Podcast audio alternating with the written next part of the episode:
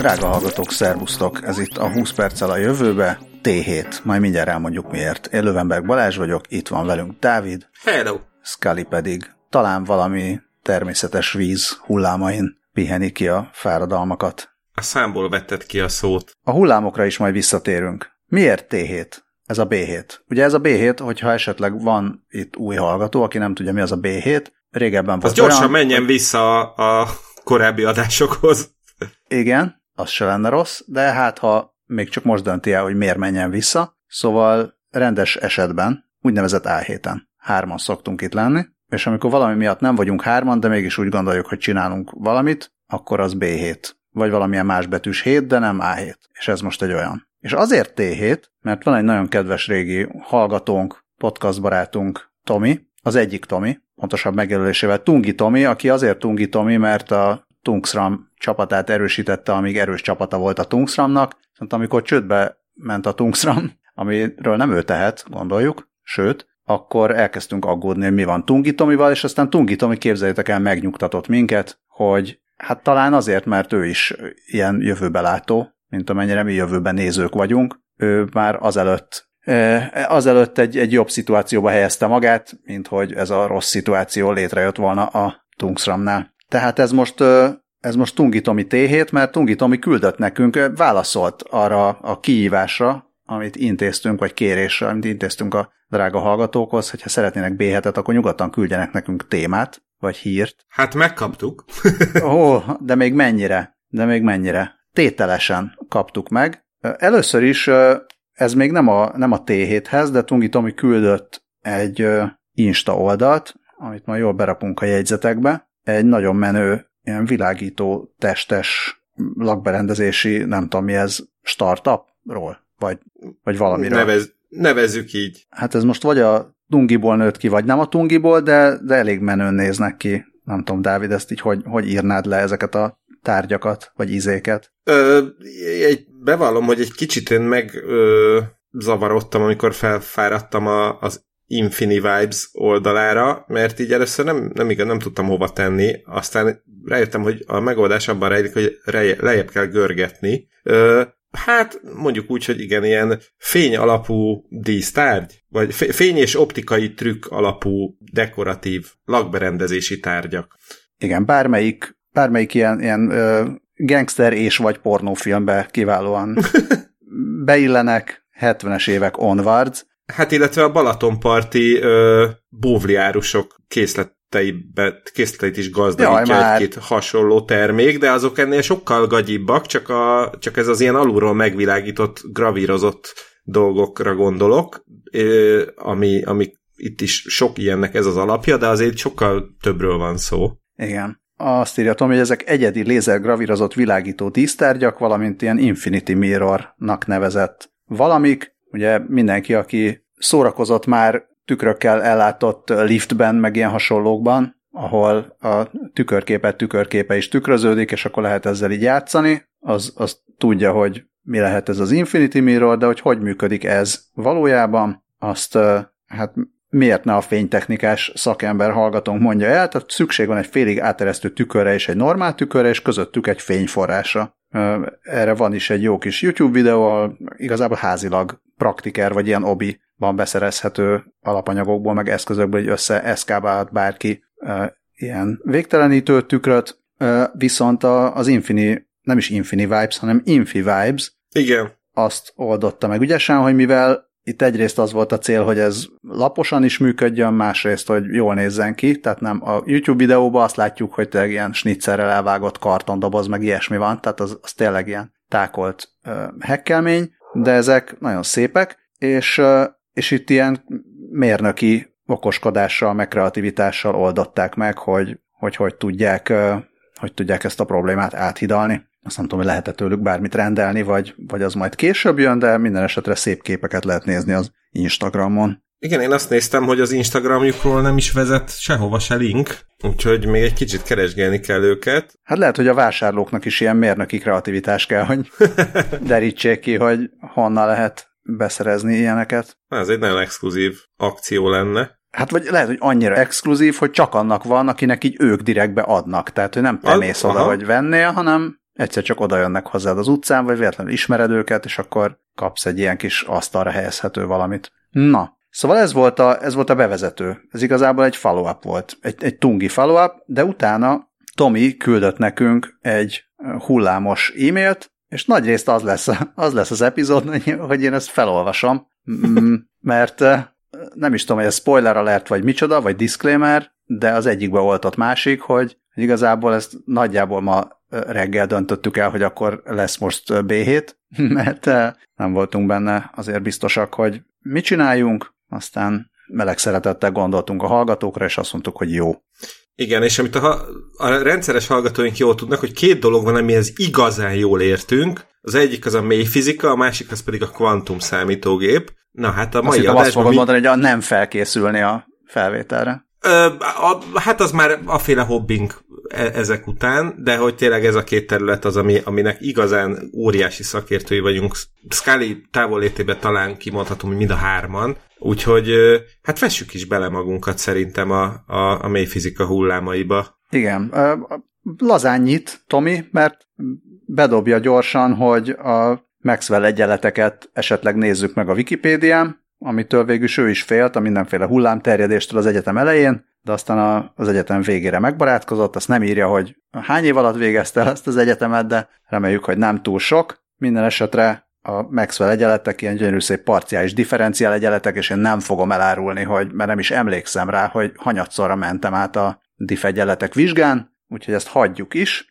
Le, legyen elég annyi, hogy én az abszolút bölcsész véremmel ránéztem e, e, ezekre a csodálatos egyenlet képletekre, vagy mikre, nekem könyv szökött a szemembe. Ö, nem feltétlenül a, a szépségük láttán, hanem hogy te jó Isten, ennyi betű és furcsa alakzat és, és görög, ó, görög ABC betűit is felismerni véltem. Én ettől bemond, bevallom őszintén, hogy azonnal pá, pánikba estem, de de azért abba bíztam, hogy Balázs mate- matekos háttere egy kicsit majd enyhíti az én szorongásomat. Hát szerencsére Tomi azt mondja, hogy nem fogja kikérdezni, úgyhogy köszönjük szépen.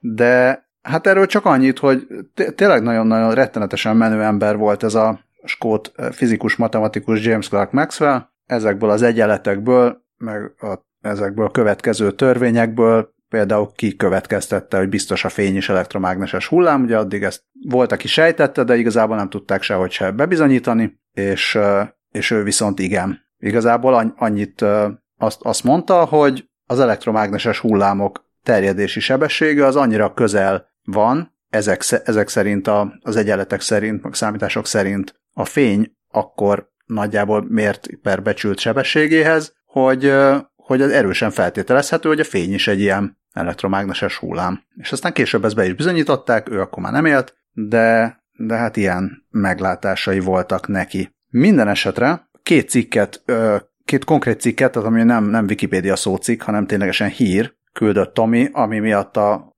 hullámok eszébe jutottak. Az egyik az, hogy elkészült az első számítógép, amiben hanghullámok továbbítják az adatokat. Tehát nem elektromágneses hullámok, hanem, hanem akusztikus hullámok. Na de mire jó ez? Hát még az hagyjál, hogy mire jó ez, de hogy egyáltalán, hogy mi van, meg hogy hogyan. Igen. Ez, ez a, ugye az első kérdés. Hogy ezt így hogy?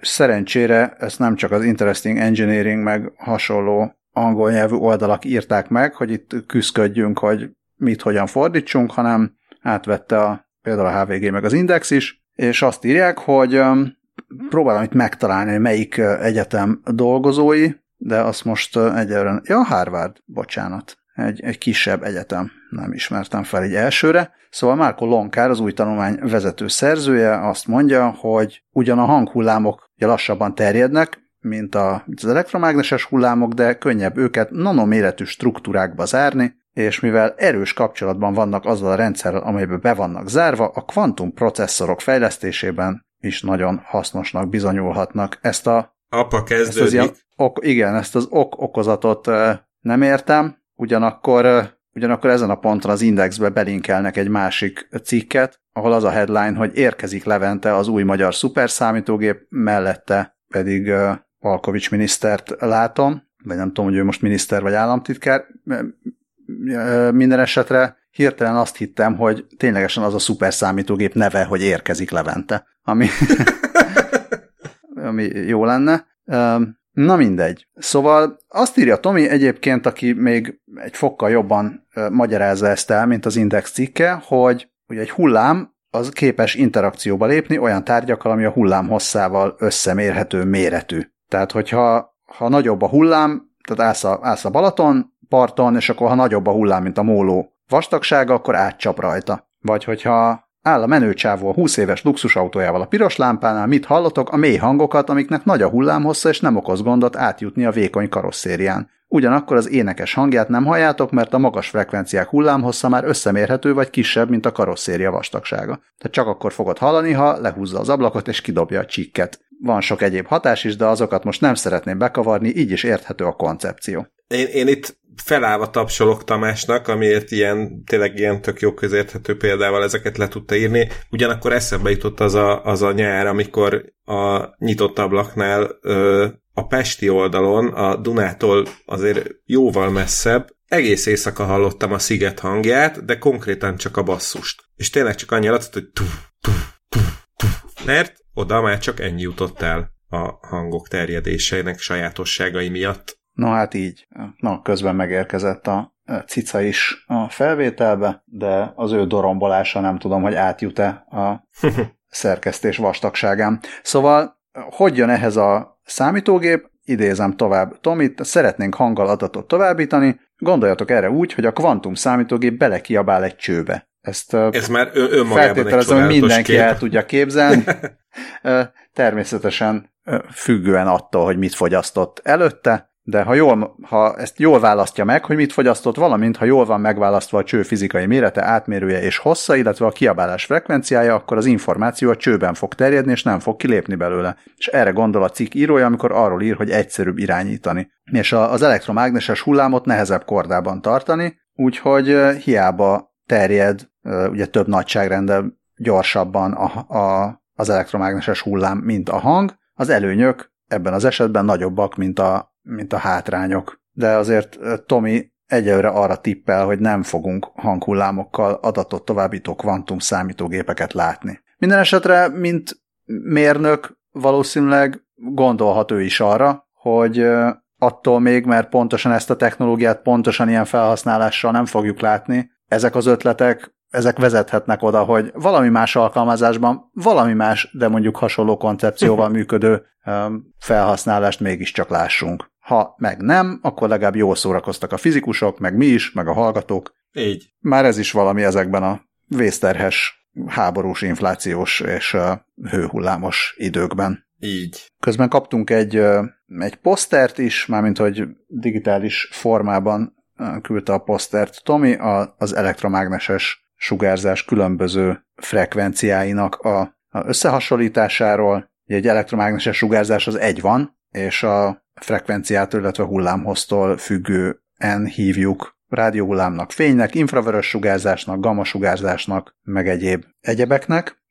Ugye ugyanaz, a, ugyanaz az egyenlet, egyenletrendszer írja le a, a viselkedését, és, és ez a valamikor a 40-es években rajzolt, tényleg gyönyörű szép, tehát ilyen icipici kis részletekbe menően Iszonyú jól néz meg, ki. megrajzolt műalkotás, ami amit meg lehet rendelni 20 valahány dollár. 22 dollár egyébként nem is, nem is sok. költségért. Ja. Szóval emellett a második cikk, amit küldött Tomi, az pedig az, hogy közelebb lehetünk a terahertzes technológia valós és kézzelfogható alkalmazásához, mert tudósok valamire rájöttek. És akkor még ezelé azt mondanám, hogy nem, nem follow-up, de egy ilyen emlékeztető, igazából magunknak is, mert én csak arra emlékeztem, hogy valamikor mi foglalkoztunk terahertzel, és valóban a 105. adásban, ami már is mondom, hogy azt a címet viseli, kár, hogy nem néztem meg, miért nem néztem meg, mikorra lesz meg. Szóval a 105-ös adás volt az űrszemet űrszemét című adás, és a telefon töltés wifi-vel grafénnal jellegű cikk volt az, ami amiben először merült fel nálunk, hogy terahertzes sugárzás. Nyilván grafén, de hogy mi is ez a terahertz? Tehát a, ugye van a látható fény, van a van az infravörös fény, van a mikrohullám, és az infravörös és a mikrohullám közé, közé eső tartomány hívják terahertzes sugárzásnak. A frekvenciája az 1 tized és 10 terahertz között van, a tera az a trillió, csak hogy a T betűnél maradjunk.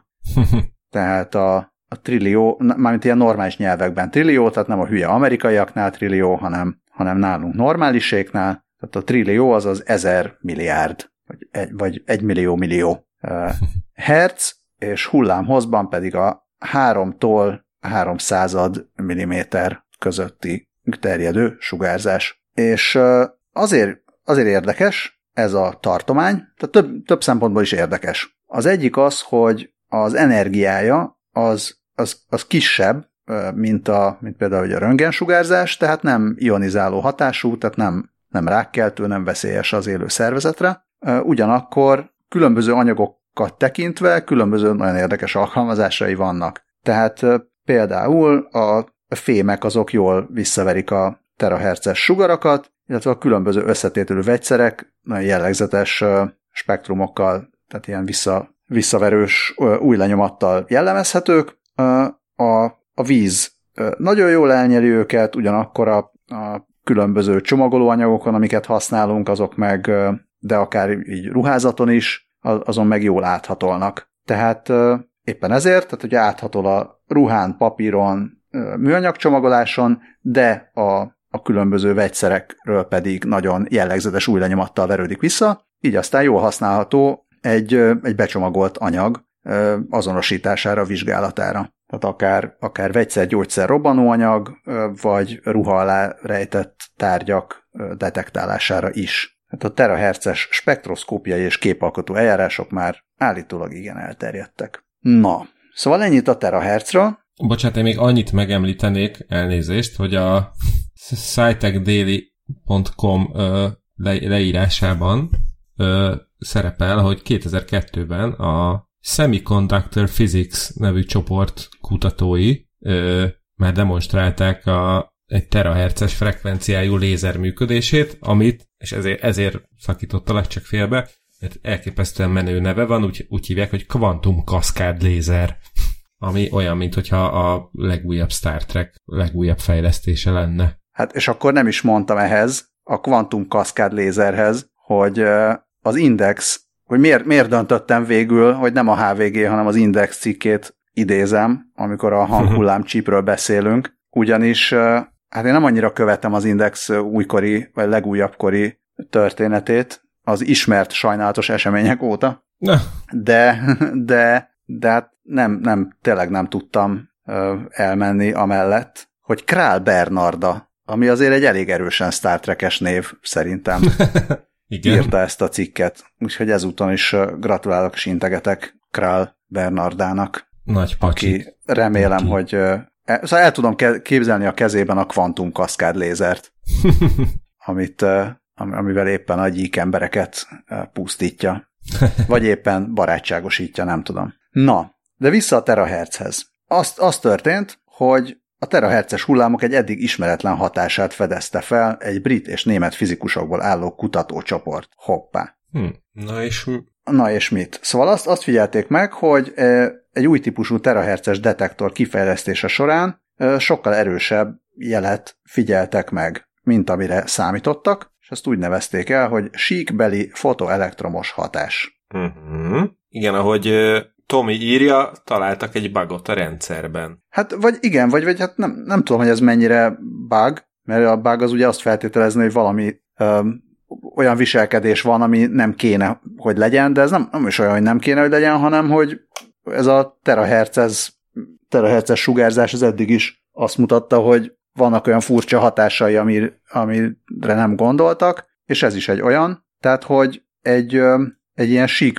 síkbeli síkbeli viselkedése az olyan, hogy bizonyos energiájú sugárzásra egyszerűen nagyobb jellel reagált a, a detektor, mint kéne, de hogy ez azt jelenti, hogy adott inputra, ha magasabb energiával reagál a detektor, akkor fordítva nézve kisebb energiákat is képes észlelni, mint amit mm. gondolnál. Ami egy jobb felbontást jelenthet, például egy, egy ilyen képalkotó diagnosztikában, vagy reptéri szkennerben. Ez elég menő. És Tomi azért igen, tudományos szakemberhez méltó módon zárja ennek a kifejtését, mi szerint azt írja, hogy a szokásos szöveg most is igaz, ez még egy nagyon új dolog és baromi drága, de majd egyszer talán olcsóbb lesz, azaz további kutatásokra van szükség, és ehhez természetesen további kutatási pályázati összegekre is. Ezt már csak én mondom, nem ő mondja, de akik rendszeres hallgatói az adásnak, az, illetve olvasnak tudományos híreket, azok pontosan tudják, hogy ez a, a tudósok kutatók boilerplate amit minden, vég, minden ilyen hasonló cikk végére oda kell tenni. Illetve velünk mondani kórusban. Igen? Na, de apropó a, a mi lesz olcsóbb mikor, itt a végére, hát annyira a végére, hogy ezt korábban találtam meg ezt a sztorit, de, de muszáj berakni most ide a végére, ha már elektromágneses hullámok, hát a napfény is elektromágneses hullámok, jön ő infravörösbe is, meg mindenhogyan, és ebből aztán megcsinálják az emberek a napelemet, a napelemből pedig egy derék indiai matek tanár Kasmírból, Bilal Ahmed 11 éves projektjének végére érve elkészítette a, a napelemes autót. Ami iszonyat menőn néz ki, mert Bilal, Bilal Ahmed arra is felfigyelt, hogy az elektromos autók ö, szegmensébe most kezd visszajönni kőkeményen a sirályszárny.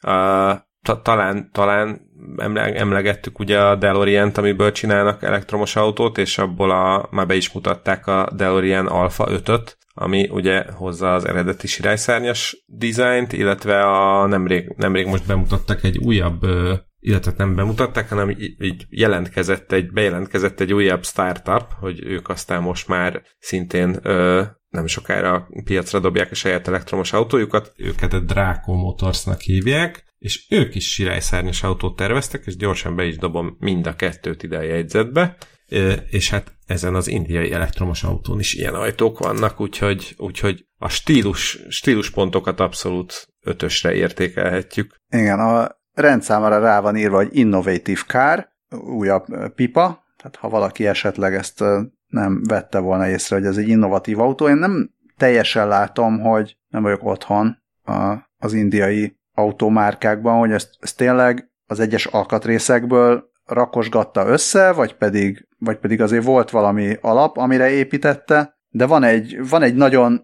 tehát egy ilyen sajátos, tényleg ez a késő 70-es évek esztétikája az egésznek, tehát picit ilyen szögletes, vektorgrafikás hatású az egész. Abszolút, én Egyébként így az autó orra alapján egy valamilyen Daihatsu-szerűségre tippelek, illetve még lehet, hogy a Mahindra, a, a, mint az indiai autógyártás egyik jelentős szereplője, az lehetett a, a Donor, de, de mondjuk Mazdától Toyotáig ez az autó bármi lehet, nem, annyira nem vagyok otthon ebben a Akármi ebben a lehet, minden esetre minden egyes, tehát a felületének szinte minden négyzetcentiméterén van napelem, és hát ehhez te értesz, Dávid, hogy hogy mondják a az autós újságírásban, hogy a, amikor fékezel, akkor visszamegy a... Re- re- regeneratív over. fékezés. Az. Szóval az, az van neki, az van neki olyanja, és, ja, és azt mondja, hogy igazából a, a sirályszárny az nem, nem csak a, az esztétika miatt van, hanem azért is, mert, mert így, a, így nagyobb felületen tud a napelem megfelelő szögben állni. Tehát, ah.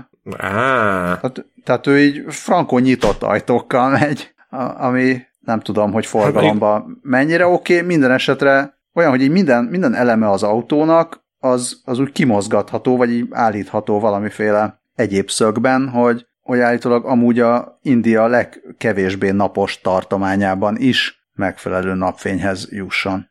Ez csodálatos közlekedés biztonsági szempontból azért nem kommentálnám a dolgot, de, de itt abszolút a kreativitásért járnak a pontok, és közben az internet segítségével felderítettem, hogy ez bizony egy Maruti 800 típusú autó, a gomechanic.in oldalon található blogon írtak Bilal autójáról, Viszont onnan egyetlen kattintásra, szintén a gomechanic.inen van egy fantasztikus összefoglaló 2020-ból, a Maruti 800-as 37 éve. Ez egy 2020-as cikk, ugye, úgyhogy mindenki kiszámolhatja, hogy 39 éves autóról van szó. Aki szeretne elmerülni benne, az szintén megtalálja ezt a linket majd a jegyzetekben. Ámen. Ilyenek a marutik. Szóval azt írja még a, a cikk, hogy hogy minden tisztességes országban Ahmed legalább annyira sikeres lenne, mint Elon Musk, de hát nincs igazsága a Földön. Hát sőt, az említett, előbb, általam, elő, általam előbb említett oldalon egyenesen Elon Muskov Kasmírként hivatkoznak rá. Hát az se semmi, szerintem sokkal jobban hangzik, mint igen, Elon igen. Muskov, nem tudom most éppen hol van, Texasba ment át, vagy mindegy. I- igen, igen. Na, viszont az elmúlt 11 évben mint egy, nem tudom mit jelent ez, hogy eres 15 lak, 15 lak, nem tudom mi, valami rúpia, meg lak, nem tudom. Tehát mindegy, szóval 18 ezer eurót költött erre nagyjából, ezeket a mértékegységet nem teljesen bírom átszámítani. Miért lak? Mm, a lak, a lak az a, az indiai számrendszerben egy egység, egy lak a százezret jelent mert hogy Indiában uh, is abszolút megvan a számjegyeknek az ilyen csoportosítási konvenciója, hogy a, a 150 ezer rúpiát azt úgy írják le, ugye a 150 ezer rúpia, 150 vesző 000 rúpia, ez másfél lak rúpiának számít, amit viszont úgy írnak, hogy egy vesző 50 vesző 000, vagy úgy, hogy INR egy vesző 50 vesző 000. És ezt ha Afganisztántól Bangladesen át Sri Lankáig alkalmazzák ezt a fajta számírási módszert. Miket? Jó, tehát egy újabb érdekes adat, akkor most már csak azt magyarázza nekem valaki, hogy a Euronews oldalon miért lakban, miért lakban számít, számolnak, és nem pedig a mindenki számára legalábbis a Euronews oldalon talán jobban érthető másfél millió helyet, miért azt írják, hogy 15 lak. De figyelj, tök jó. Tehát akkor most ezt is megtudtuk, ez egy ilyen lakossági adás lett a végére. Igen. Szóval ez azt jelenti, hogy a prototípusra, hát ugye ez megint csak olyan, hogy most én mondhatom, hogy a kb. 18 ezer euró az mennyi forint, de hát holnapra, mire ez kikerül a hallgatókhoz, már ez elképzelhető, hogy lakhokat fog változni. Me- meg a, a Bocsánat, beleszóltam. Mit mondtál? Ez csak annyi, hogy meg, meglakol a forint holnapra. Az biztos. Fú, igen. Um, szóval, hogy ez ilyen 7 és 8 millió forint között van valahol, ami, ami egy ilyen sirályszárnyas elektromos vagy napelemes autóért apró pénz, pláne egy prototípusért. Tehát, hogyha itt sorozatgyártásra kerül sor, akkor ez lehet az új, nem tudom mi. Nem tudom mi most a, az olcsó elektromos autó de az. A Dacia Spring például már mennyire az olcsónak tekinthető, ez még, ez még néhány hónappal ezelőtt 4,5 millió forintba került, ez volt szerintem, a, hát ilyen kisebb, ilyen mopedautószerű dolgokat lehet talán olcsóbbért kapni, de amikor a Dacia Spring az tényleg egy teljes értékű elektromos személyautó. Szóval, hogy ez pár Van sirály szárnya? Az nincs, na az na. nincsen, viszont még itt a végére gyorsan, ha már itt a napelemes autós szóba került, akkor a, hoztam gyorsan a zöld pályáról egy cikket a világ első sorozatgyártású napelemes autójáról, amit a, egy holland Lightyear nevű startup dobott össze. Lightyear Zero-nak hívják a, a, mm, azt a modellt, ami már kész a sorozatgyártásra. 5 négyzetméternyi napelem van a tetején. Reméljük, hogy a Zero az nem a nem a hatótávolságát. Az, az, az nem a hatótávra jelenti. vonatkozik, ők azt állítják, hogy VLTP szabvány szerinti 625 km tud megtenni teljesen feltöltve, és a, a napelemek meg átlagosan, ideális körülmények között kb.